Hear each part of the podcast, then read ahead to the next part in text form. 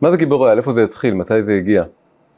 אז במישור הכי פשוט, היסטוריה של תרבות פופולרית אה, אמריקאית, אז אה, כל הז'אנר הזה נולד ב-1938, בקומיקס שקראו לו Action Comics, אבל הגיבור שלו היה סופרמן. והמציאו אותו שני יהודים, שקראו להם אה, ג'ו שוסטר וג'רי סיגל. ו, ו, וסופרמן היה חייזר, איש שבא מכוכב אחר, והכוכב שלו עמד אה, גסס, וההורים שלו שלחו אותו, קצת כמו במין תיבת נוח, שלחו אותו באיזה תיבה קטנה לכדור הארץ, וכאן, בגלל אה, תנאים אה, אקולוגיים ואחרים, אז יש לו פה כוחות על, בכוכב שלו הוא האיש רגיל, הוא הילד רגיל, תינוק רגיל. אבל כאן, בגלל המבנה של השמש והאוויר, אז יש לו כוחות על, ואז הוא נהיה סופרמן. והם המציאו את הסיפור הזה. ו... וזה היה ב-1938, אנחנו מדברים על בין המלחמות, קצת לפני מלחמת העולם השנייה. אמ, ושנה אחרי זה, שני יהודים אחרים, שאחד קראו לו בוב קיין, שזה בעצם כהן או כהן, והשני פינגר, המציאו את בטמן, וזה הגיבור השני. ובאיזשהו מקום שני האיקונות הכי הכי גדולות של הדבר הזה, שהוא משהו אחר לגמרי, הוא בן אדם בשר ודם, אבל יש לו המון המון טכנולוגיה משוכללת. והוא דמות הפוכה, קצת ננתח את זה לקראת הסוף, נאפיין את ה, מה זה בעצם אומר, שאתה, למה זה שני הראשונים. ושנה או שנתיים אחרי זה, אז הגיעה השלישית שזה וונדר וומן. ושדווקא את זה, זה המציא מישהו שהוא לא יהודי. אה, ו, ואז עברו בערך 20 שנה, ואז הגיע עוד גל גדול, שזה, כל זה, השלישייה הזאת, זה נקרא DC קומיקס. זה היה חברה אחת.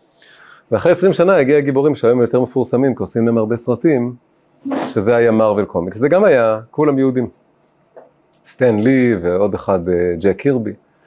וזה מאוד מעניין שהיהודים היה להם תפקיד מאוד מאוד מרכזי בליצור את אחד מעמודי התווך הכי הכי הכי מרכזיים של התרבות הפופולרית המודרנית.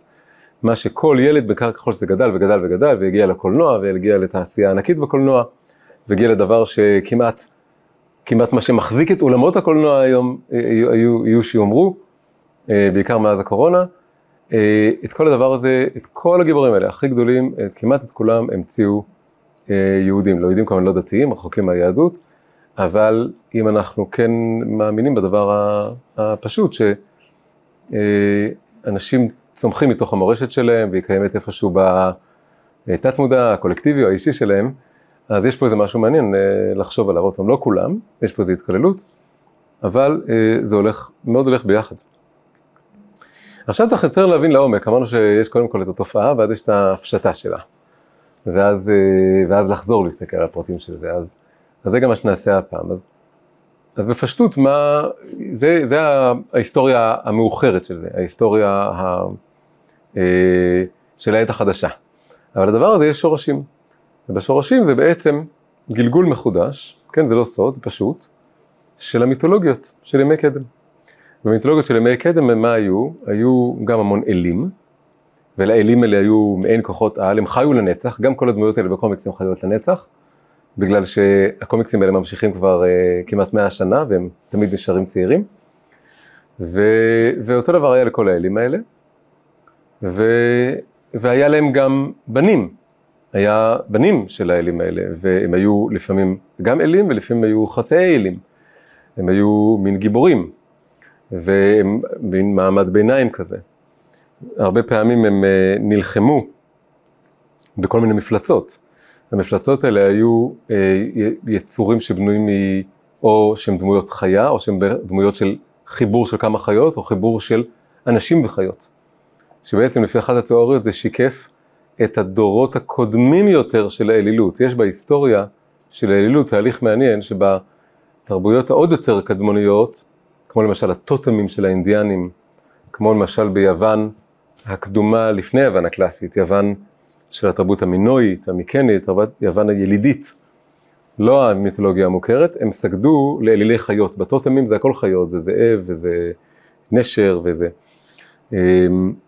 אה, וככה אותו דבר גם היה בתרבות. ואז יש שלב אה, מאוחר יותר שכבר רואים חצי חיה וחצי אדם, וגם שם אפשר לכאורה להבדיל. יש הבדל אם, אם הראש הוא חיה והגוף הוא אדם, שאז זה נראה שהיסוד הבהמי נקרא לזה שולט ביסוד האנושי, ואז יש משהו שהוא יותר אנושי, שזה גוף של חיה, אבל פלא גוף עליון של אדם, שזה אומר שאני עומד מול פנים, מול פרצוף, אני יכול לדבר איתו. ו...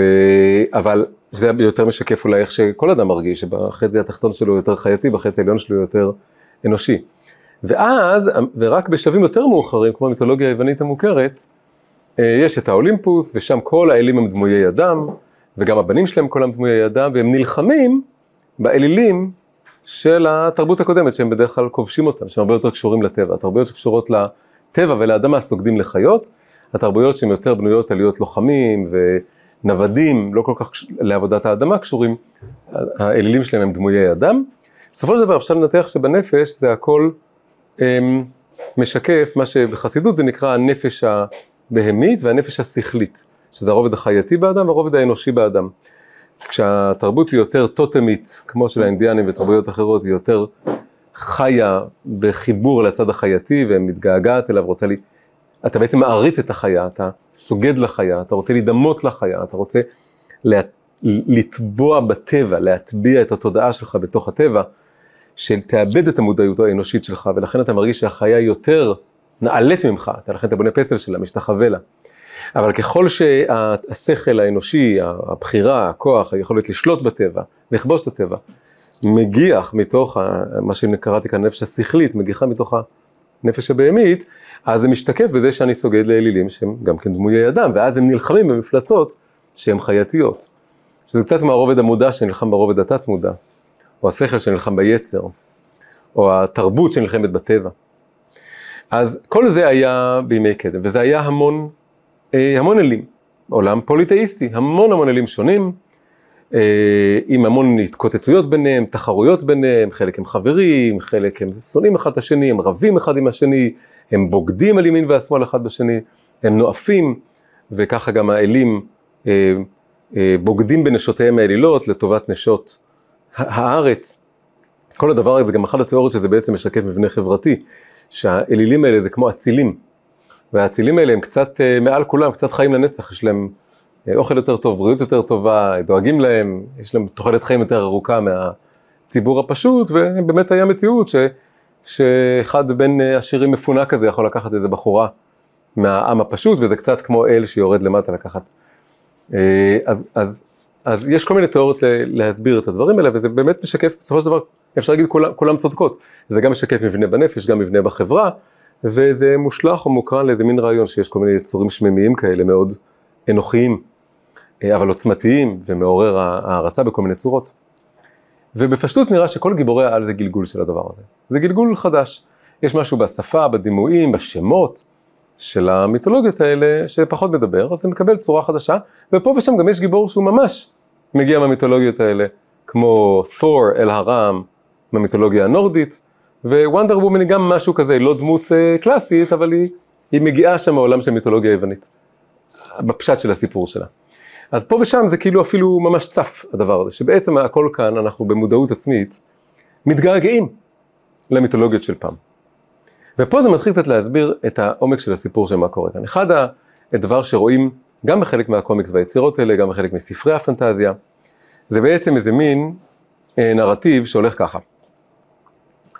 פעם פעם חיינו בעולם מאוד מאוד קסום, צבעוני, עשיר ואנושי, מבחינת התרבות שהיינו בה. והיינו מחוברים לכל כוחות הנפש שלנו. היה לנו המון המון כוחות בנפש, הכל היה מותר, הכל היה טוב, לא היה טוב ורע.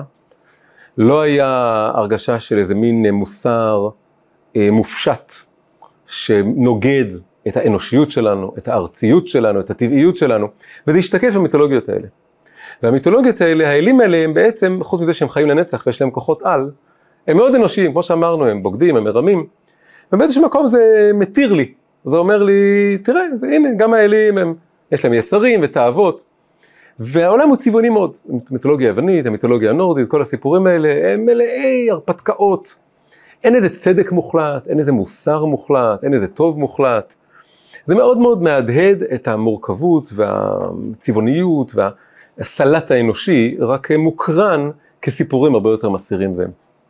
וככה אומרת הגישה הזאת, שקיימת באמת בהרבה מקומות, ויש הרבה מאוד אנשים מפורסמים שהביעו את זה בכל מיני צורות בראיונות, וספרים שלמים רק של להביע את הרעיון הזה, אני, אני פשוט ראיתי את זה בכל כך הרבה מקומות כבר שאני מסכם את התמצית. ואז בא בדבר שקלקל את הכל, הרס, השבית את השמחה והתכחש לאנושיות שלנו, וזה המונותאיזם. זה התחיל עם היהדות, וזה המשיך עם הנצרות והאסלאם. ברגע שהביאו שיש אלוקים אחד מעל כל הדבר הזה, ופתאום כל הפמליה הזאת נהיית אה, רק אה, מלאכים שחגים סביבו במעגלים ומהללים אותו, וכולם צריכים להשתחוות לו, אז בבת אחת אה, כל השמחה, כל האנושיות נמחקה, הרסו את כל המסיבה. פתאום במקום המון המון כוחות נפש שונים, יש פתאום רק איזה דבר אחד, אמת אחת. גם יש טענה שכל הסובלנות הדתית שהייתה בעולם האלילי, במובן, היה עולם מאוד אלים ואכזרי בכל מיני צורות, אבל אה, הוא היה עולם, מה שקוראים סינקרטיסטי, כלומר היה, אה, היית בא למקום והיית סוגד לאליל המקומי, והיית מביא איתך את האליל שלך. אה, הקאבה המפורסמת של המוסלמים, הקובייה השחורה הגדולה הזאת, מוחמד לא המציא אותה ולא ייסד אותה, הוא רוקן אותה מכל האלילים. כל אה, שבטי ערב היו שמים שם בפנים את כל האלילים שלהם, כדי שיהיה אפשר, כל אחד השתחווה לקאבה וחשב על האליל שלו, הוא רוקן אותה. זה אקט מאוד אה, סמלי כזה, אבל הטענה היא שזה אותו דבר, היהדות והנצרות, הכל בסופו של דבר מתחיל מהיהדות, אנחנו אשמים בהכל. אה, אנחנו הרסנו את כל הדבר הזה, בזה שהבאנו אלוקים אחד. מה שהרבה אנשים יגידו שזה מה שהכי בנה את החברה ואת המוסר ואת התרבות, אנשים אחרים יגידו שבעצם מתגעגעים לעולם האלילי הפגאני. יגידו זה מה שהכי הרס הכל. שם הכל מתחיל להתקלקל. כי אז כבר, לא, כבר הייתה אמת אחת, מוחלטת, ולא היה את הסובלנות הזאת ואת הפתיחות הזאת, וגם בנפש אנחנו חיבינו את כל הצד המיתי, הסיפורי, הכישופי, הצבעוני, הלילה הקסום שבו בחשכת הלילה הייתי יכול לדמיין את כל היצורים והכוחות בעולם, פתאום באה איזה מין שמש חזקה כזאת, קופחת, מאכזבת, והרסה את הלילה, הרסה את החלום, נתקע אותנו מהתת מודע, נתקע אותנו מהעיינות היצירתיות של, מהעיינות היצירתיים שלנו, ו, ונשארנו עם איזה אל אחד ש, שאנחנו אמורים להאמין שהוא אה, אה, טוב לכולם וכל מה שהוא עושה זה טוב, ואז הוא גם כאילו מדכא את, ה, את האנושיות שלנו, הוא לא, הוא אומר לנו שלא, פתאום אתה צריך להיות צדיק, וצדיק זה אחד שמתגבר על הטבע שלו, מתגבר על החומר שלו, ו, ומבחינה פסיכולוגית, יגידו אותם אנשים, העולם האלילי משקף את כל מרחב כוחות הנפש שלי, והעולם המונותאיסטי מכבה אותם, סוגר אותם, ופתאום אומר שיש איזה רק איזה כוח אחד, השכל, האמונה, מה שמאוד מאוד הולך להפשטה, כי אין לו דמות ואין לו, אין לו גוף, אין לו דמות הגוף. ואנחנו, הכל נהיה גם כן מאוד, ואז התרבות הולכת ומתרחקת מהחיבור אל הטבע, היצר, הרגש, עם כל הצבעוניות של הדבר הזה. הדבר הזה קיים בקומיקסים, הוא קיים, אמר אותו אה, סופר, שחקן אה, בריטי מאוד מפורסם, הוא אוהב להגיד את זה, הוא מאוד אוהב את המיתולוגיה היוונית, הוא מספר אותה מחדש, אה, וקיים בהרבה מקומות. ואיך אנחנו מבינים את הדבר הזה?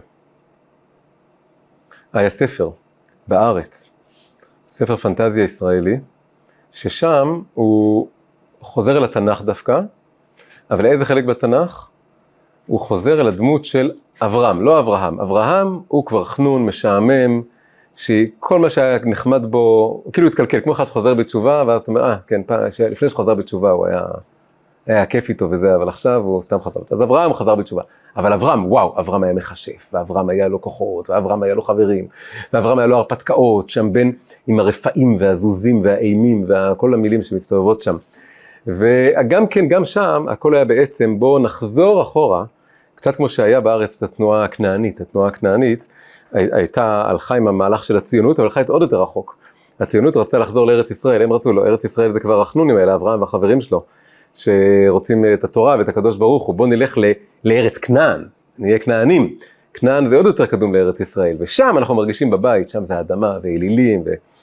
והתנועה הקטנית לקחו את נמרוד, שתמיד היה האויב של אברהם, הפכו אותו פתאום למון פסל כזה יפה, שהוא דמות מפוארת ונערצת, ומשוררים ופסלים. וזה הכל הכל אותה מגמה שיש בה משהו מאוד מאוד רומנטי, מאוד מאוד רוצה לחזור אחורה. עכשיו, למעשה, באמת, לא סתם אותו סופר היה יכול לחזור אל הפרקים המוקדמים של, של לך לך, התחלת הסיפור של אברהם, כי באמת בתורה יש התייחסות מאוד ברורה לכל הנושא הזה. זה מאוד מאוד נוכח. זה בעיקר מאוד מאוד נוכח בשתי הפרשות, שתי הפרשות הראשונות. שתי הפרשות הראשונות משקפות בעצם אלפיים שנה הראשונות של העולם, לפי התיארוך שעולה מהתורה ושחז"ל אומרים אותו בצורה ברורה. אה, אברהם אבינו נולד בעצם בשנת צירוף מקרים שזה מתחבר לספירה הנוצרית, אנחנו מכירים את המספר הזה, נולד ב-1948 לבריאת העולם. אה, ושזה ממש ממש סוף האלף השני, ואז אצלו כל התפנית קורית, הלך לך הגדול הזה. שתי הפרשות הראשונות הן מאוד מאוד מיתיות באופי שלהן, במה שקורה שם. הבריאה של העולם, הסיפור של מגדל בבל, הסיפור של המבול עוד לפני, אמ, ובמיוחד, ספציפית, הפסקה הקצרה והמסתורית על בני האלוהים. זה מופיע בסוף פרשת בראשית, ו, וממש רגע לפני שנולד נוח, שאיתו מסתיימת פרשת בראשית. וכתוב, ויהי כי החל האדם לרוב, כלומר להתרבות על פני האדמה, ובנות יולדו להם, ויראו בני האלוהים, פתאום, לא ברור מה זה. ויראו בני האלוהים את בנות האדם כי טובות הנה, ויקחו להם נשים מכל אשר בחרו. ממש מוטיב מוכר מהמיתולוגיה. זהוס שכל רגע לוקח איזו אישה אחרת ויולדת איזה חצי אל אחר, הנה רואים את זה כאן. ויאמר השם, ואז קורה דבר מאוד, יש פתאום פסוק הפסקה, תכף עוד פעם ידברו על הבני אלוהים האלה, והשם אומר, לא ידון רוחי באדם לעולם, אני לא הולך לדון אותו, בשגם הוא בשר, והיו ימיו 120 שנה. פה הוא מקצר, עוד דבר פלאי שקורה בפרשות הראשונות, זה האורח חיים המטורף של כמעט אלף שנה. 930 שנה האדם הראשון, הם מתו שלח עוד יותר, יש הרבה... פה, באמצע הנושא הזה שיורדים פה בני האלוהים האלה ומתערבים לאותו האדם, אז זה הרגע שהתורה אומרת שהוא קיצר את החיים. ואז מוזכר עוד דברים מעניינים. הנפילים היו בארץ בימים ההם, וגם אחרי כן, אשר יבואו בני האלוהים אל בנות האדם, וילדו להם, המה הגיבורים אשר מעולם אנשי השם. אז פה מופיע המילה גיבור פעם ראשונה, אחרי זה יש עוד גיבור, נמרוד, שהכנענים אהבו אותו, גם נקרא גיבור ציד. וזה הגיבורים הראשונים, הגיבורים זה הילדים שנולדו לבני האלוהים ולבנות האדם, ויש פה עוד דבר שמוזכר פה שזה הנפילים. נפילים זה ענקים שמפילים את הארץ בצעדים שלה, בצעדים שלהם, זה הפירוש המקובל. מה זה בני האלוהים? יש כמה פירושים, פירוש אחד זה שזה מין מלאכים שנפלו וסרחו. מאוד מאוד דומה למיתולוגיות. יש ממש בשתי הפרשות האלה המון הד למוטיבים, התנינים הגדולים שיש שם, שעוד נדבר עליהם באחד המפגשים הבאים אני חושב. ויש המון המון התייחסות לזה, אבל רק בשתי הפרשות האלה.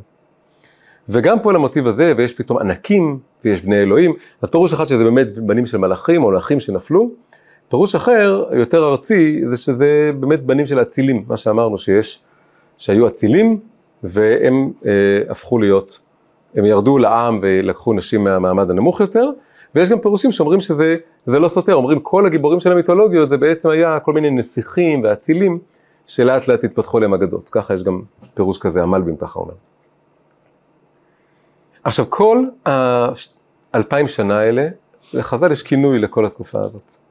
הם אומרים שההיסטוריה של העולם, לפי התיארוך החז"לי, הוא בנוי מששת אלפים שנה, אנחנו עכשיו בשנת חמשת אלפים שבע מאות שמונים ושתיים לבריאת העולם, ה' אלפים ותשפ"א בשנים, כן? לפי התיארוך הזה, מתקרבים לסוף האלף השישי, וחז"ל מחלקים את זה לשני אלפים, שני אלפים, שני אלפים. שני אלפים הראשונים הם קוראים להם שני אלפים תוהו. אחרי זה שני אלפים תורה, כי התורה שבכתב, תורה שבעל פה, זה מופיעה וצומחת בזמן הזה, ואנחנו עכשיו בשני אלפים האחרונים, שזה נקרא שני אלפים משיח, בגלל שזה כאילו כבר הכל הכנה לעידן ימות המשיח. שני אלפים הראשונים נקראים שני אלפים של תוהו. מה זה תוהו? זה מאוד מתחבר לכל התזה הזאת שאמרנו, שאומרת פעם היה פה שמח, פעם היה מיתולוגיות מדהימות והיהדות, נצרות אסלאם קלקלו את זה. מה ההגדרה של תוהו? יש מושג תוהו, אנחנו מכירים אותו מתוהו ובוהו, אבל פה הרעיון הוא שתוהו ובוהו זה לא רק שם לפני ובתחילת היום הראשון של בריאת העולם, זה אלפיים שנה. וגם באמת כל, כל הפרשות האלה עומדות בסימן של העולם לאט לאט מקבל משהו מאוד יציב. גם אף על פי שהתוהו ובוהו הזה הוא כאילו רק בהתחלה ואז יהי אור שכבר מבטל אותו, זה לא בדיוק נכון. שישה ימים העולם אה, מתארגן ונבנה. רק אחרי שבוע הוא מתחיל להתייצב. גם אז אנשים חיים חיים נורא נורא ארוכים. אה, גם אז יכול לבוא פתאום מבול ענק ולהתחיל את הכל מההתחלה, יכול להיות מגדל שראשו בשמיים ו, והבלילה של השפות, זה הכל עדיין, התוהו הוא דועך בהדרגה. מה ההגדרה של תוהו? ההגדרה של תוהו זה מציאות שיש בה ריבוי אורות ומיעוט כלים. מה הכוונה? ריבוי אורות זה המון המון עוצמה רגשית או רוחנית או רעיונית, המון המון אור, אבל כלים מאוד מאוד ילדותיים, פשטניים, לא מפותחים, שלא יכולים להכיל אותם. ומה שקורה לכל מציאות של תוהו, ותוהו זה לא רק דבר שהיה ואיננו, זה כל הזמן חוזר, אפשר להגיד שכל דבר בעולם הוא קודם כל מופיע, מופיע בצורה כזאת, כל רעיון, הוא קודם כל הרבה אורות. אבל עוד לא כלים, כי עוד אין לו כלים, הוא רק עכשיו הגיע. כל התבגרות, כל גיל התבגרות הוא קצת כזה. המון המון הוראות, אבל אתה עוד לא מפותח, אתה ילד. מה קורה לכל מציאות של תוהו? היא נשברת. וזה נקרא עולם התוהו נשבר. אחד הסמלים של עולם התוהו, זה דווקא מופיע פרשה יותר מאוחרת, פרשת אה, אה, וישלח. אה, יש שם מהצאצאים של עשיו מונים שבעה מלכים מעניינים, כל אחד עם השם שלו והארץ שלו, שעל כל אחד כתוב וימלוך וימות, וימלוך וימות, הם נקראים בקבלה, הפסקה הקטנה הזאת הפכה להיות נושא ענק, הם נקראים מלכי התוהו. כל אחד היה לו איזה מלוכה, איזה ממלכה, איזה כוח, אבל זה נשבר מהר מאוד, וימלוך וימות. מסתבר שוימלוך וימות, שתי המילים האלה ביחד, זה בגימטריה עולם התוהו. זה ממש מכוון מאוד יפה. הכוחות האלה, העוצמות האלה, גם בני האלוהים האלה, זה הכל מצייר מציאות של עולם התוהו. מה, אז מה עושים? כשיש כזה דבר, רגע כזה בחיים, עוצמות כאלה, בגיל ההתבגרות, אז ההפך מתוהו, זה נקרא תיקון. עולם התיקון, מציאות של תיקון, שלב של תיקון, זה הפוך. אם אורות של תוהו מובילים לשבירת הכלים, לשבירה, שאני נשבר, אני במשבר, אני מת, אני נופל, המלכים האלה הם הולכים ומתים. אז צריך הפוך. כלים גדולים, יציבים, רחבים, וזה הולך עם פחות אורות, מעט אורות. זה ההגדרה של עולם התיקון. אז אם עכשיו אני מתרגם את כל הדבר הזה, התשובה או התחלת התשובה של היהדות לאותה טענה שאמרנו שמושמעת היום בכל מיני צורות, שהמונותאיזם הרחיק אותנו מהטבע הצבעוני והסוער שלנו. ההתחלה של התשובה תהיה ותגיד, נכון, היה באמת טבע מאוד סוער כזה, המיתולוגיות האלה באמת משד... משקפות עוצמות אנושיות, רגשיות, יצירתיות, אבל הן נורא נורא נורא לא בוגרות, נורא ילדותיות. יש משהו גם באלים האלה, שהם חבורה של ילדים מפונקים. יש משהו גם בגיבורי על האלה מאוד מאוד מוחצן וילדותי, זה באמת בסופו של דבר סרטי ילדים. ו, ואם אתה חי במרחב הזה, אז אתה מתלהב, אבל אתה גם נשבר, אתה בסוף נשאר בידיים ריקות. ו...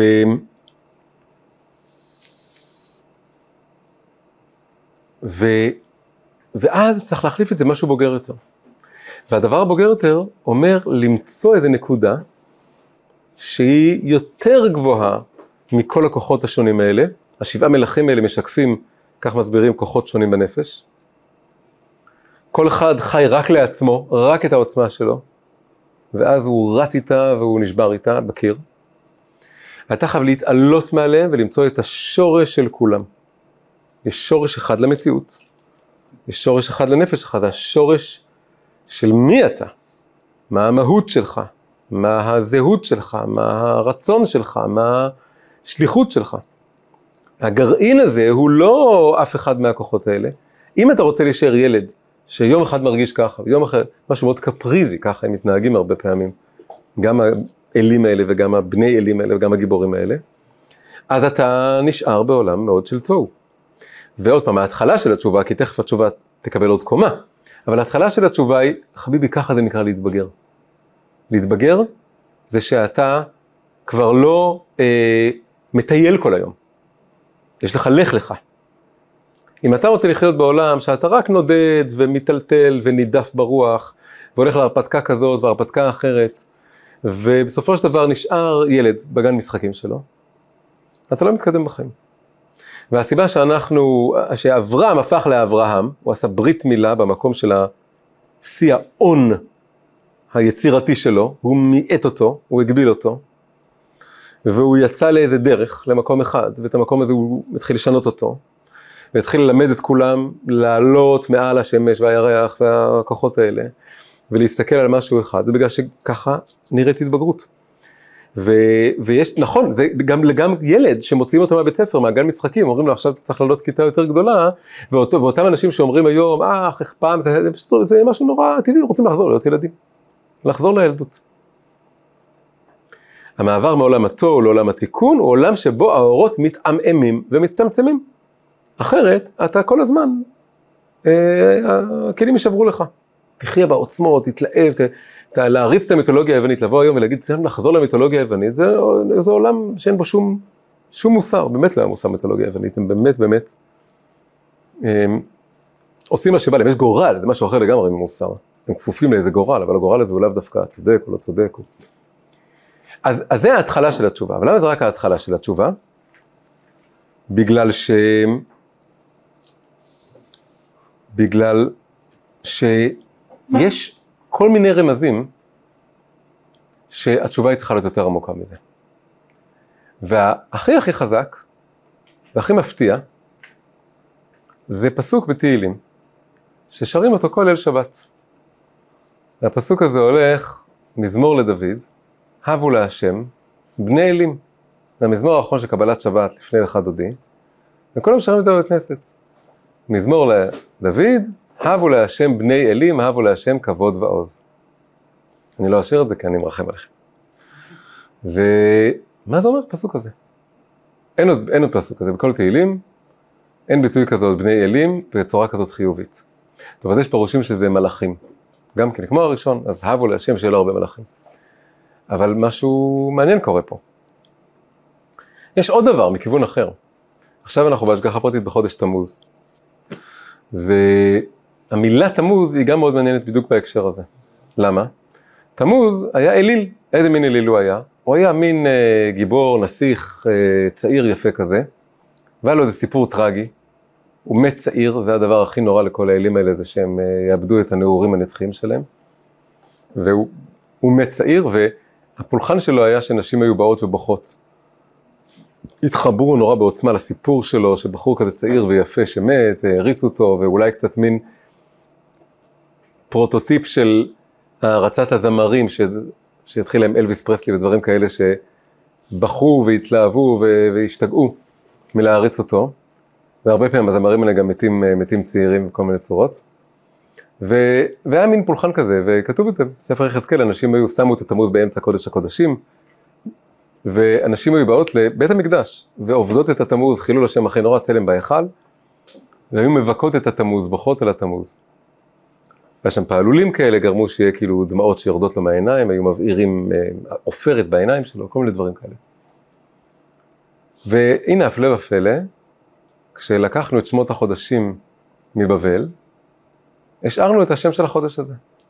אף אחד לא עברת אותו, ולא הפך אותו, ולא שינה אותו. ואנחנו תמוז, היום, ט"ו תמוז. ואיך זה יכול להיות? ואחת הטענות זה שיש פה איזה משהו בכל הגיבורים האלה, בכוחות האלה, שאפשר לקחת אותו. חוץ מזה שבפשטות גם יש לנו גיבורים. יש לנו גיבורים. שמשון הגיבור הוא מאוד מזכיר גיבור על. הוא מאוד מזכיר, הוא מאוד דומה לסופרמן. יש לו כוחות נורא נורא גדולים, הוא יכול לעשות דברים מטורפים, וכמו לסופרמן יש לו חולשה, סופרמנים מקרבים לו קריפטונית, שזה חומר מהכוכב המקורי שלו, ששם אין לו כוחות, הוא מאבד את הכוחות שלו, וגם שמשון, הוא מאבד את הכוחות ממש ממש דומה. אז יש לנו קצת משהו מהדברים האלה. יש לנו כל מיני גיבורים, החשמונאים היו גיבורים. ברור שזה לא נגמר בסיפור הזה שאנחנו רק רוצים להשבית פה את השמחה, רק להתבגר. גם מה זה התבגרות? האם התבגרות זה שאני שם את הילדות מאחורה ואומר, טוב טוב, זה מגירת הילדות, סוגר את הצעצועים והולך להיות מבוגר? האם זה ההתבגרות השלמה המתוקנת? לא. כן, זה נכון, חלק מהתבגרות זה התגברות, כן, וזה אחד הדברים שהמחנך פה אומר, כאילו תתגבר על הגעגוע, על הנוסטלגיה שלך לילד. אבל המבנה השלם שלא אמרתי, זה לא נגמר בלה, בעולם התוהו נשבר ואני עובר לעולם התיקון, אלא יש שלב שלישי. והשלב השלישי הוא בעצם ההתבגרות השלמה יותר. וזה קשור בעכשיו לשקם את כל העולם הגיבורים הזה ש... והמיתי הזה והצבעוני הזה ש... שעזבנו, שזה התשובה, זה החלק השני של התשובה, העמוק יותר, המשמעותי יותר, שעושה, קוראים לזה בחסידות, יש לעשות התקפיה, התקפיה זה להוריד, כמו, כמו עם השדים, ואז יש לעשות התהפכה. וגם פה אני עשיתי התקפיה, אמרתי, כל מי שאומר את זה שהוא רוצה לחזור לימים של האברהם והכישוף והגיבורים, זה משהו ילדותי, עושה התקפיה, צריך להתבגר, ועכשיו צריך לעשות התהפכה. מה השלב הבא אחרי תוהו ותיקון? השלב הבא נקרא ככה. בעולם התוהו היה אורות גדולים מאוד, אבל לא היה כלים להכיל אותו, אז זה נשבר והאורות התפזרו. אבל האורות היו טובים. האורות, העוצמות, כוחות הנפש שהם ביטאו, הם מעולים. הבעיה הייתה שהכלים לא היו בנויים. עכשיו שבנית את עולם התיקון, בנית כלים רחבים ויציבים וטובים ומחוברים ושמחזיקים מעמד דורות, ואתה יכול לבנות איתם חברה ומשפחה ועולם, אז זה הולך יחד עם צמצום של האורות, אבל זה רק שלב, והשלב הבא קוראים לו, שזה החיבור, אורות דתוהו בכלים דתיקון. צריך עכשיו לשחזר את אורות התוהו של הילדות, של הנעורים, של השלבים הקודמים. הם היו טובים. הילד שחלם ופינטז והתלהב מכל מיני הרפתקאות ומכל מיני רעיונות ומכל מיני חלומות ומכל מיני דמיונות, זה עוצמות טובות, עוצמות גדולות, רק שעכשיו צריך להכיל אותם בכלים הרבה יותר בוגרים. כל מה שבעצם אני מנסה לעשות כאן בסדרה הזאת זה לקחת מה שאני מזהה כאורות של תוהו שנמצאים בפנטזיה ובמדע בדיוני. אבל צריך לעשות את זה בכל מישור, וצריך לעשות את זה כל אחד לגבי הילדות של עצמו, ואנחנו כולנו צריכים לעשות את זה לגבי ההתבגרות שלנו. מה זה אומר? זה אומר שההבנה שה, האמיתית, אותם אנשים שאמרו שהמונותאיזם בא והרס, והרחיק את, זרק את כל המיתולוגיות והחליף אותם בדת משעממת, שאין בה פסלים ואין בה ציורים ואין בה גיבורים, אלא יש רק מין סיפורי צדיקים, שבסוף תמיד יהיה סוף טוב, ותמיד כאמת נורא ברורה והכל משעמם כזה, הם לא באמת מכירים לעומק את מה שהם שוללים אותו, הם מכירים את זה מרחוק, הם מכירים את מה שהם שמעו בכנסייה שעצבן אותם, או, או איזה חינוך אה, יהודי דלוח אחר, כן, או לא אחר, יהודי, לא משווה, כן? שני דברים אחרים. לא משנה, כך או כך הם נחוו מאיזשהו אה, דתיות מונותאיסטית מייבשת, פשטנית, שטחית כזאת, שבאמת כל הצבעוניות הזאת חסרה בה. עכשיו נדבר רגע, נביא פה את המודל של הספירות שמאוד עוזר לעשות בזה סדר. דיברתי כבר פעם קודמת, יש בקבלה עשר ספירות, מודל מפה של הנפש וגם מפה של הכוחות שפועלים בעולם, שהשם בורא איתם את העולם. יש שם ספירה ראשונה, עליונה, גבוהה, מופשטת, אחד הכינויים שלה זה שיר פשוט. שיר פשוט הוא משהו שבלי, הוא לא, נקודה פשוטה של אמונה, של חיבור להשם, אמונה טהורה צרופה, זה הכתר. אחרי זה יש המון המון כוחות אחרים. תשעה או עשרה, תלוי אם זה עשר או אחת עשרה. כוחות שהם הרבה יותר אה, צבעוניים. אפילו אחד הדימויים היפים זה שהכתר זה כמו אור לבן בהיר פשוט שבא מלמעלה, כמו האור של השם, אל אחד, אור לבן פשוט. אחרי זה שלוש הספירות הבאות שזה השכל, זה נקרא חוכמה, בינה, דעת. זה כמו המנסרה, משולש, זה כמו המנסרה של ניוטון, איזה פריזמה שדרכה האור עובר, ואז נשארו שבע ספירות למטה, פה זה יוצא 11, כתר למעלה, שלוש שכליות ושבע רגשיות. השבע רגשיות האלה זה שבעה צבעי הקשת, כמו שניוטון מיפה אותם. הוא לקח פריזמה של משולש, והוא הסתכל על הקשת והוא זיהה שם שבעה צבעים. אז יש פה אור לבן אחד, ו... ואיזשהו שכל שמפרק את זה, ואז זה נפתח לש... להמון המון כוחות נפש צבעוניים. אז אם ניקח עכשיו את המודל הזה ל... יחד למעבר בין האלילות והמיתולוגיה וכל הגיבורים האלה אל המונותאיזם, אז בעצם יוצא מין ציור כזה. פעם, אותם אלה שמתגעגעים אומרים, היה את כל הספירות ובלי הכתר המעצבן הזה. המופשט, הלבן, ש, שמעיק על כולם. היה את הקשת בענן, היה את כל הצבעים. זה היה צבעוני, ססגוני, והיה המון גיבורים שונים, וזה היה, וזה שיקף את הרגש שלי, זה באמת שבע, זה בעיקר שבע ספירות התחתונות, שמאוד מאוד משקפות את העולם הרגשי שלי. ו, ואז, ככה הם מציירים את זה, זרקנו את כל הספירות האלה, ולקחנו רק את הכתר. היה המון ספירות בלי כתר, עם צבעים, ואז בא המונותאיזם, סגר את המסיבה, ונשאר רק האור הזה של הכתר. בעיקר, אם לומדים דרך חדשה, כמו למשל של הרמב"ם, שנורא נורא מדגיש כמה הקדוש ברוך הוא מופשט, מופשט, מופשט, ואפילו שכתוב בתורה יד השם, והעין של השם, והזרוע של השם, ושהוא כועס, הוא מתאכזב, זה הכל רק משלים, הוא נורא נורא מדגיש שזה משלים, ומפשיט, מפשיט, מפשיט, ונשארים משהו כזה. אבל זה לא הסיפור האמיתי. הסיפור האמיתי הוא שהרובד הפנימי של התורה, לא של הרמב"ם, הרובד של הקבלה, של הזוהר, שם אומרים שהאלוקות היא כל הספירות גם יחד, היא גם ספירת הכתר, אבל היא גם כל הספירות התחתונות. בעצם בעצם, כל מה שהעולם הזה, המרחב הזה, השכבה הזאת בתורה, שנקרא פנימיות התורה, הקבלה והחסידות, הוא בעצם בדיוק התשובה לדבר הזה, הוא בא ואומר, נכון, באמת אנחנו נתייבש, אם רק נישאר בקדוש ברוך הוא, שהוא שם למעלה, ואני לא רואה אותו, ואני לא בדיוק מבין אותו, ואני אה, רק צריך להשתחוות לו ולהלל אותו ולהאמין שהכל קורה לו טובה, ו, ובזה זה נגמר. והזוהר, זה מתחיל בזוהר, מאוד בא ואומר, האלוקות היא, יש לה גם צלם אלוקים. צלם אלוקים זה דבר שהוא כבר כן דומה לי. ומה זה הצלם אלוקים? זה לא שיש לו צורה, אבל שיש לו את מערכת של כוחות. וזה לא רק הכתר, יש לו גם חסד וגבורה ותפארת ונצח וזה היד ימין שלו והיד שמאל שלו והרגל ימין שלו והרגל שמאל שלו, זה, זה הכל מטאפורי, אבל זה בא להחזיר את הצבעוניות לחיים, להחזיר את הצבעוניות ליהדות. אם אני פותח זוהר, זה לא כמו לפתוח ספר גמרא, שזה גם הדבר מרתק, אבל הוא הכל שם, זה הלכתי וזה הכל, לעשות את רצון השם. וכשאני פותח זוהר בקבלה, אני לא רואה, אין לי שם שום הלכה שאומרת כך תעשה, כך אל תעשה. מה שיש לי שם זה פתאום מרחבים מדהימים. של מלאכים ושדים והיכלות ועולמות וספירות וכוחות ונשמות שיוצאות ונודדות ומתעברות ומתחלפות ובעצם כל המרחב הצבעוני, בעצם המרחב המיתי שהתורה כאילו שמה מאחוריה ורק השאירה בשתי הפרשות הראשונות ואז התרחקה ממנו, חוזר. וזה ממשיך אחרי זה גם בחסידות, רק שהחסידות לוקחת כל הדבר הזה והיא הרבה יותר כבר ממש מתרגמת את זה לנפש, היא אומרת כל העולמות האלה, כל הספירות האלה, זה כוחות בנפש שלך. ואתה חייב שיהיה לך אותם, מה פתאום שיהיה רק את הכתר בלי כל הספירות, אתה כמו נהיה איזה, איזה ראש, או אפילו פחות מראש, שהוא רק מרחף מעל האדמה, אתה צריך שיהיה לך את כל הקומה שלך. אתה חייב שהאור של האמונה שלך ירד לשכל וירד מהשכל ללב, והלב זה העיקר, כתוב בספר הזוהר, רחמנה ליבה באי. הרחמן, הקדוש ברוך הוא, מה הוא הכי רוצה, באי זה רוצה, את הלב.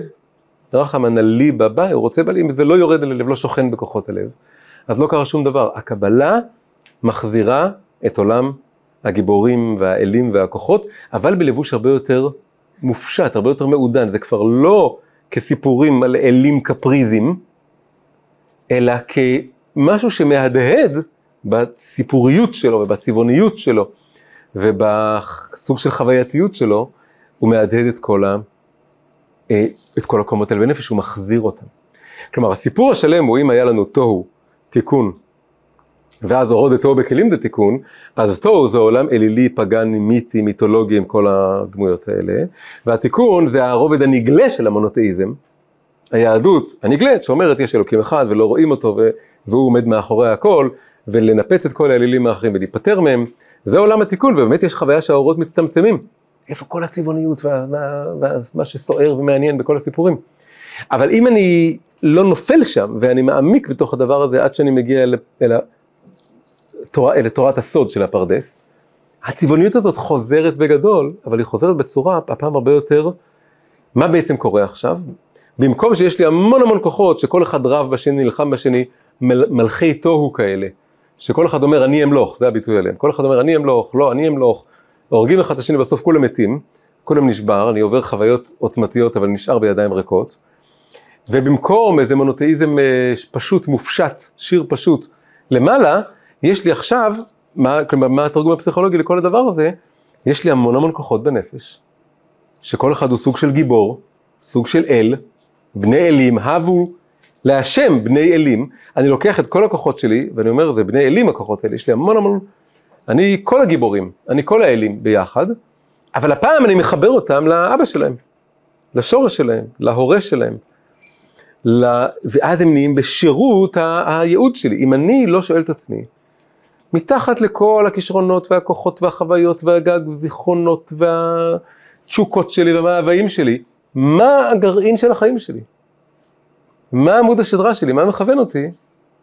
אז הם, אה, הם סתם מתפזרים. אבל אם לעומת זאת אני כן מתחבר לנקודה הזאת, שזה האלוקים האחד שבי, השורש הזה, ואז אני מחיה אותה מחדש, רותם אותה מחדש, אז איזה ציור מדהים זה, וזה נהיה הקומה השלמה.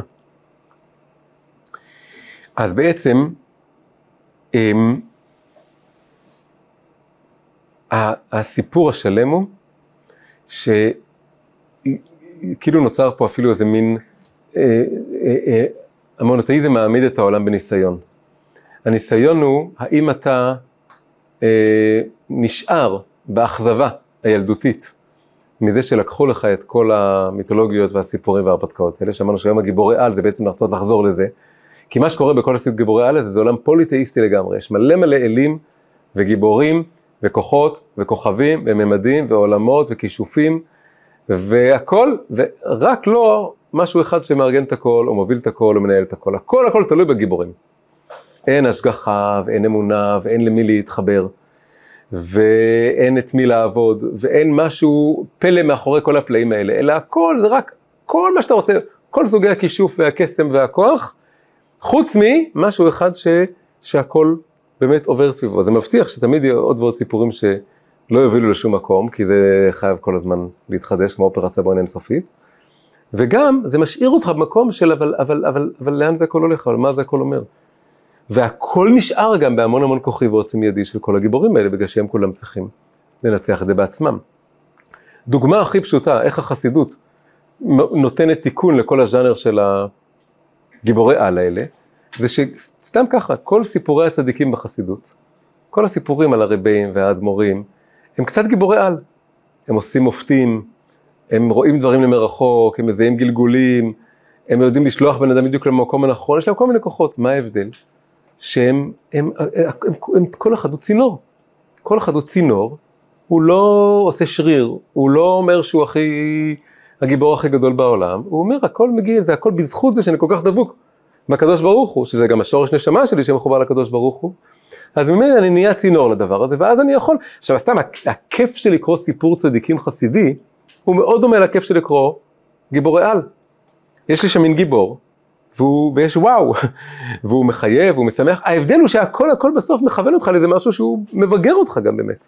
הוא מביא אותך לאיזה דבר, כי בסוף גם, הוא הצינור שלך להתחבר, גם, גם אתה יכול להתחבר, אתה לא סתם גומר את זה ואתה אומר וואו, הלוואי אני אהיה ספיידרמן או אני אהיה סופרמן. אתה אומר, אני גם רוצה להתחבר למקום, למקום שהוא מתחבר אליו, אני רוצה להתחבר לאותו שורש, לאותו דבר גבוה. ואז אולי גם הפלא הזה יחלחל לתוך החיים שלי, ואולי נפגוש איזה צדיק כזה, ואולי... ואולי משהו מה, מהפלא הזה שהעולם מושגח והעולם מכוון, ואם אתה עולה על הדבר הנכון אז, אז הקדוש ברוך הוא יגמול לך ויענה לך בכל מיני צורות, וה, וה, וזה יתחיל, האור האלוקי באמת יתחיל להאיר בעולם הזה, זה נהיה אפשרות מוחשית דרך הסיפורים האלה. ואז אז זה שונה לגמרי, זה דומה, אבל זה שונה לסיפורים של הגיבורי העל האלה. אז זו דוגמה נורא נורא פשוטה, איך אה, ולכן כנראה צריך לעשות קומיקס מכל הסיפורי צדיקים האלה והסיפורי וסרטים, כן? ולעשות את זה בצורה שאולי זה לא ילהיב ברמה השטחית והחיצונית והמיידית של סיפורי הגיבורי על, כי זה כבר אורות בתוהו בכלים דתיקון, זה בכלים אחרים, זה לא בכלים ילדותיים וקומיקסיים כאלה.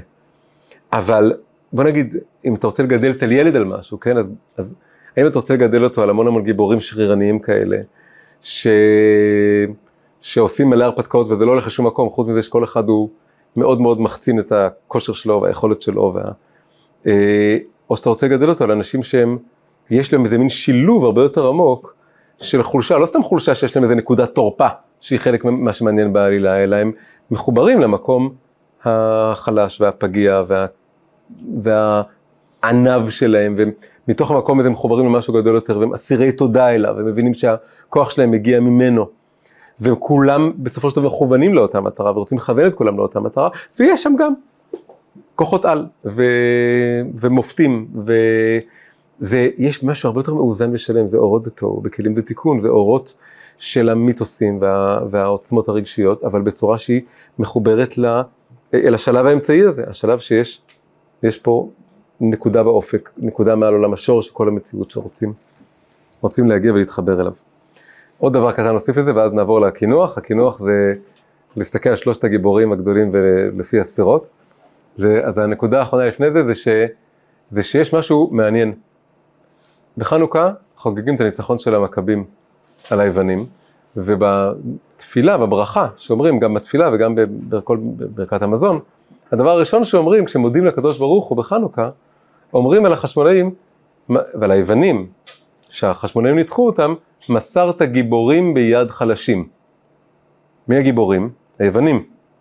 היוונים, ששם זה המיתולוגיה היוונית, שזה האב טיפוס של כל הגיבורי על. הם נקראים גיבורים, הם גיבורים היוונים.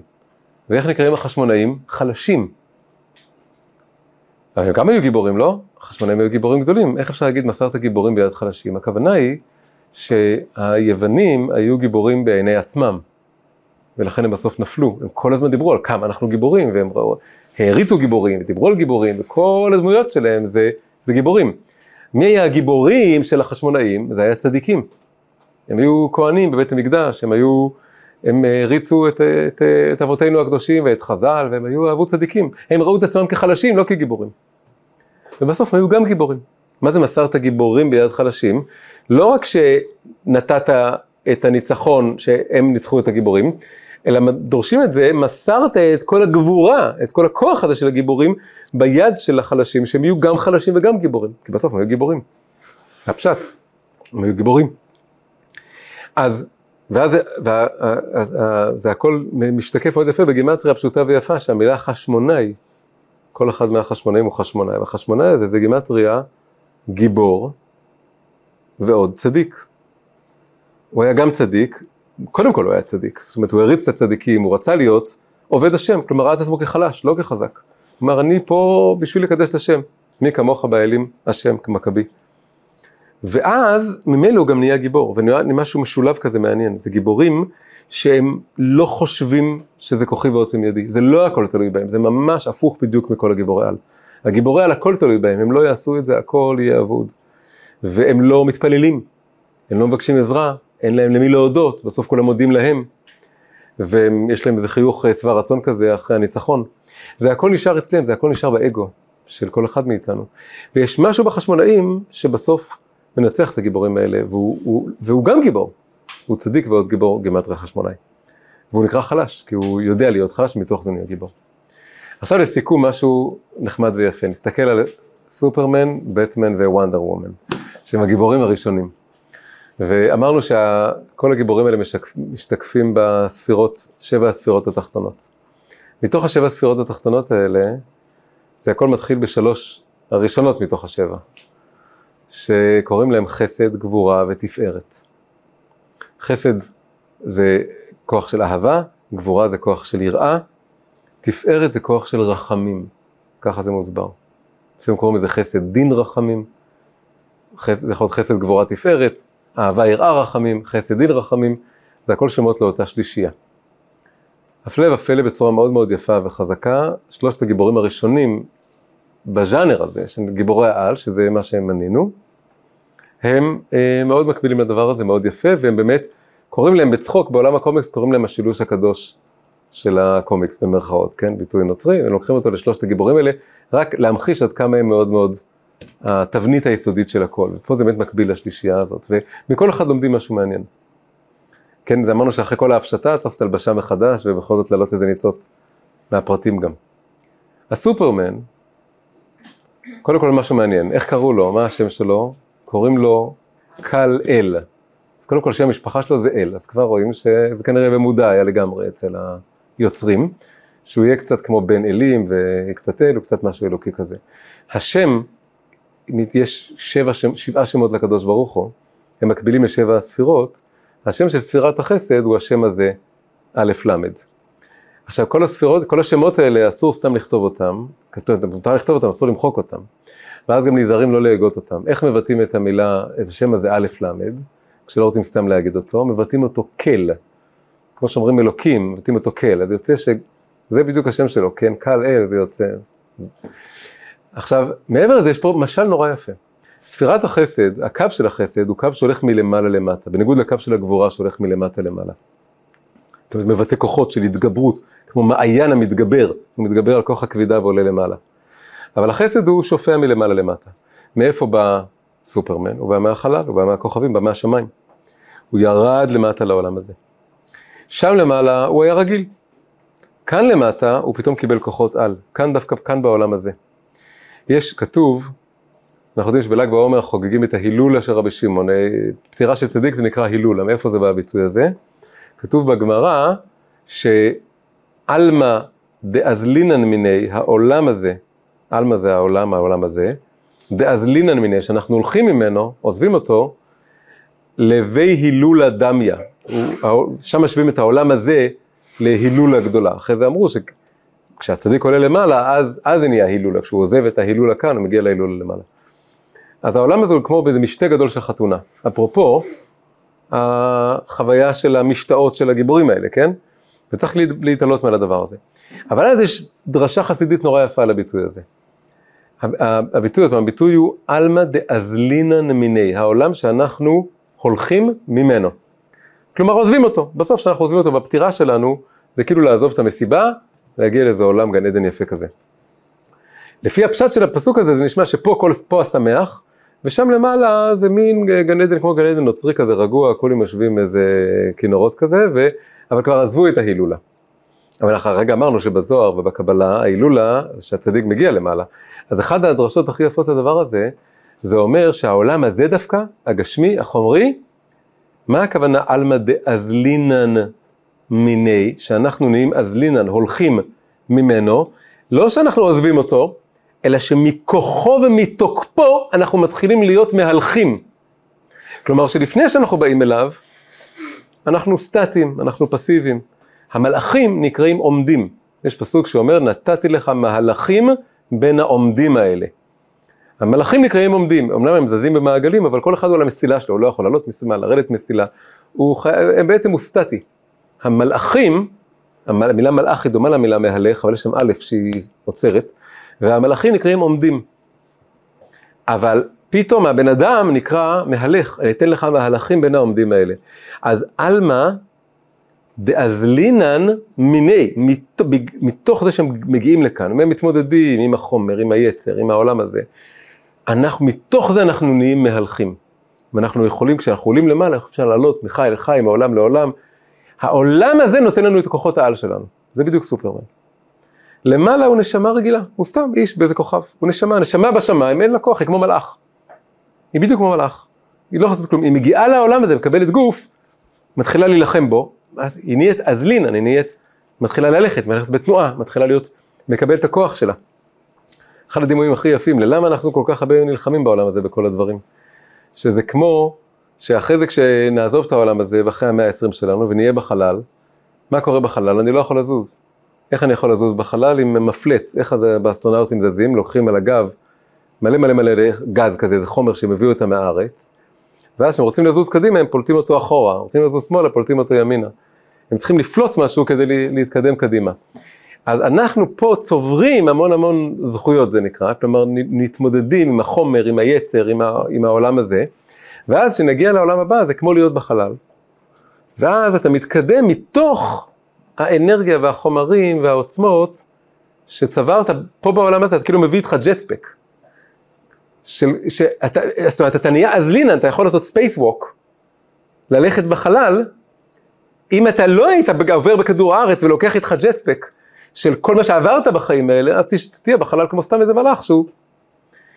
אז לפי זה כאילו סופרמן השלם, הוא מגיע לעולם הזה, ואז הוא נהיה סופר על, גיבור על כזה, סופר הירו, ואז כשהוא יחזור למעלה הוא יכול להמשיך את התנועה הזאת. כאילו זה, זה אין בקומיקס, שם הוא חוז, אם הוא יחזור לכוכב שלו, הוא יחזור להיות חלש. אבל אם אנחנו רוצים לשדרג את הסיפור, אז בזכות מה שהוא עבר בכדור הארץ, אם הוא יחזור לחלל, הוא, יחזור, הוא ימשיך להיות גיבור. זה לא יעזוב אותו, הוא ימשיך לצבור את כל הכוחות האלה. אלמד, אז לינן מיני. אז זה, יש משהו בסופרמן, זה, והוא סתם, בפשטות הוא איש חסד ואהבה וטוב, הכל אצלו מאוד אופטימי, מאוד מאיר, מאוד חיובי, הוא אוהב את כולם, רוצה לעזור לכולם, הוא מין מלאך, הוא מין שליח, הוא בא מלמעלה למטה. בטמן הוא בדיוק הפוך, הוא ממש ממש תמונת המראה, זה פלא שזה היה שנה אחרי שנה, וזה כאילו, היית מצפה שיעתיקו את ההצלחה, שניהם נגמרים במן, כמו כל הגיבורים האלה, אבל הוא בדיוק הפוך, הוא בן אדם בשר ודם. ולמרות שגם סופרמן מתחיל מזה שהוא מתייתם, פה ההתייתמות אצלו היא טראומה, הוא ראה אותה, אה, ההורים שלו מתו לנגד עיניו, ואין לו שום כוחות על. הוא בונה את עצמו בגבורה, הוא באמת גיבור, הוא מתגבר מלמטה למעלה, והכל לא מתוך חוויה של אהבה, או חסד, או נתינה, או אופטימיות. הוא לא גדל באיזה קנזס כזה נחמדה, הוא גדל בעולם, אה, בעיר אה, ציור מאוד אפל של ניו יורק, ו, והוא בא מעולם של, אפרופו שדים, כן, נקראת גות'ם, גות'ם מזכיר את העולם הגותי, ארכיטקטורה גותית, וכל, וכל זה, ומתוך כל העולם הזה, הוא מתוך רצון בעצם לנקום, ולהחזיר לאותם פושעים שהרגו את ההורים שלו, למרות שאי אפשר להחזיר, ולכן זה כמה שלא נגמרת אף פעם. אז עוד פעם, הכל פה ציורים מאוד גסים ומגושמים, אבל זה נותן את הכוח השני בנפש, שהוא מאזן, משלים את הכוח של החסד. יש כוח של חסד שאני מלאך שבא לעולם, אני נשמה שירדתי ופה אני מקבל כוחות ואני מתגבר, אני צריך להיות רק בשליחות. ויש את הצד השני שאני רואה את חוסר הצדק בעולם וזה מה שמפעיל אותי. שזה כוח של יראה ודין וגבורה. וזה לא בא מתוך זה שאני רק מביא אור, זה בא מתוך שאני מחובר מאוד למציאות, ואני רואה את כל, אני מפוכח, הוא פסימי, הוא חשוך, הוא רציני, הוא לא צוחק. והוא הוא לא, אין לו הומור, אין לו כלום, הוא מאוד מאוד חמור סבר, הוא מאוד קשה, הוא מונע ביראה, הוא הולך עם מלא מלא דין, מלא יראה. כל אחד, אם אני רק בטמן זה נורא יראה, אם אני רק סופרמן זה משהו מאוד נאיבי. למרות שזה לכאורה, אה, החסיד הוא חסד, הוא כאילו יותר שייך קו החסד, אבל החסיד המתוקן, המאוזן, הוא מלא, יש לו גם הרבה גבורה והרבה יראה, הוא לא שוטה, הוא לא נאיבי, הוא, הוא פיקח, הוא מפוקח, בעל שם טוב תמיד אמר שזה חסיד, אסור לו להיות חסיד שוטה. הוא צריך להיות חסיד פיקח. אז הפיקחון כאן הוא בטמן, וה, וה, והחסידיות זה סופרמן. ואז יש משהו מעניין בוונדר וומן שנכנסת פה שלישית. וונדר וומן היא אישה קודם כל, ואמרנו שהכוח של התפארת זה רחמים, רחמים זה מלשון רחם. יש משהו, היא קודם כל היא קצת מאזנת בין שני האחים, יכולים לריב לפעמים, היא יכולה להפריד ביניהם. היא, יש בה משהו שהיא קצת יותר בוגרת משניהם, התפארת היא ספירה למטה, אבל השורש שלה יותר גבוה. יש לה מין מכונה, מי שהמציא אותה, מי שהמציא את הקומיקס שלו, גם המציא את המכונת אמת. וגם לוונדר וומן יש מכונת אמת, יש לה לסו שהיא כורכת אותו סביב אנשים, יכולים להגיד את האמת, זה, הוא הכניס את ההמצאה שלו בעצם לתוך הקומיקס. על שפת תפארת מקביל ליעקב אבינו, יעקב אבינו נקרא מידתו אמת, תן אמת ליעקב. יש משהו אה, כאילו יותר אה, מאוזן שם, מעניין שזה דווקא נשי פה, כן, זה יכול לתת לכאן ולכאן, ספירת התפארת, אפשר לייצר אותה כל מיני צורות, אבל זה מעניין שפה היא נוצרת משהו כזה, אבל זה מתחבר לעניין הזה של הרחם. ו... ויש משהו דווקא בקו האמצע כאן, שמאוד משקף את השורש המיתולוגי, כמו שאמרנו שאצלה המיתולוגיה פתאום נהיית ניכרת, נהיית גלויה, היא באה מיוון העתיקה, היא באה מעולם של אה, אמזונות כאלה, שזה דמויות אמיתיות מהמיתולוגיה, ואצלה זה מתגלה. אגב, אחרי זה אותה שלישייה בדיוק חוזרת במרוויל, בדיוק בדיוק אותו דבר, מאוד מאוד דומה, שהמקבילה של סופרמן זה קפטן אמריקה, שיש לו כוחות מאוד גדולים כאלה והוא כולו חסד ואהבה ואופטימיות, והמקבילה של בטמן, שהוא גם מיליונר, שהכל אצלו זה טכנולוגיה, זה איירון מן, איש הברזל, שזה מאוד גבורה, והם מאוד יכולים להתכתש. ואז השלישי בשילוש שלהם זה ה-Thor, שהוא גם כן בא ממיתולוגיה לא היוונית, הנורדית. יש משהו שם בשלישי שפה כאילו צריך לחשוף את המקור שלנו, שאנחנו באים מהמיתולוגיות האלה. כל זה כמובן, חזרנו ללבושים החיצוניים של הקומיקס, כדי לסגור מעגל. אבל בעצם בעצם מה שניסינו לעשות מהדבר הזה זה להוציא את הניצוץ שם. זה, אני לא חושב שצריך לגדל ילדים על בטן סופרמן ווונדר וומן, ו, ואני בהשגחה גדלתי על זה, ועכשיו אני עושה על זה עיבוד, ו, וכולם מכירים את זה, אבל כשאני רוצה ל, ל, לעשות את התהליך שבעצם אני מבין שזה מזמן לנו, אז זה מאוד מאוד, בעצם עוד פעם, להגיע לחסד גבורה תפארת. כשאני מגיע לחסד גבורה תפארת, ואז בכמה פרטים זה מתאים, בהרבה פרטים אחרים באמת אני צריך ל, ל, לעזוב את, ה, את כל הגיבורים האלה, ולא לא לסגוד להם. אבל הנקודה העמוקה היא שבדרך ארוכה ועקיפה, יש משהו בתוך כל הסיפורים האלה, והגיבורים האלה, והאלים האלה, והבני אלים האלה, וזה הבו להשם בני אלים. וזה החשמונאים שבסוף נקראים גיבורים. וזה אפילו התמוז שבסוף אה, יש לו, לשם הזה, למילה הזאת, מקום בלוח השנה שלנו, באמצע הקיץ.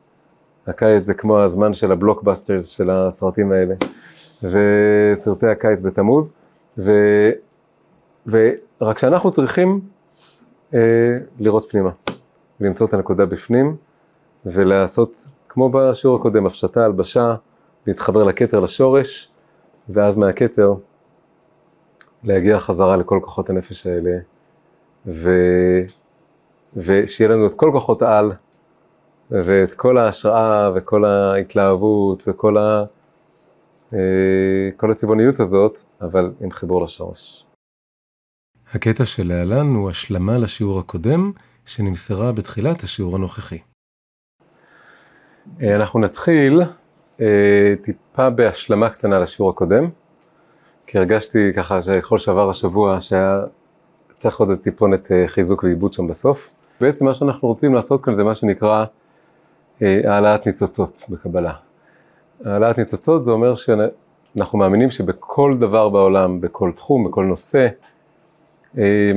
לא משנה כמה הוא נראה משונה או חיצוני או לא קשור לעניינים רוחניים או אלוקיים, יש בו ניצוץ של קדושה, ואנחנו רוצים למצוא אותו ולהעלות אותו. ויש משהו שהעולם נשאר לא שלם, אם הניצוצות האלה הם שבויים או כלואים, ולא מחוברים לשורש האמיתי שלהם, הפנימי שלהם.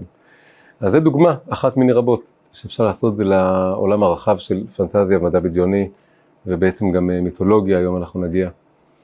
אמ, ו...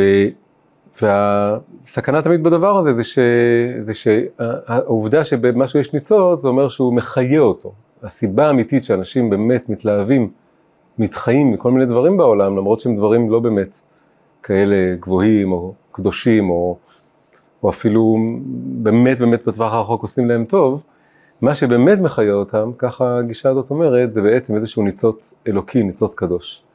משהו בנשמה שלהם מתגעגע לדבר הזה. רק שזה לבוש בהמון לבושים. אז צריך קצת להסיר את הלבושים ולמצוא את הנקודה הפנימית הזאת. ואם לא עושים את זה, אז יש פה איזה מין החמצה.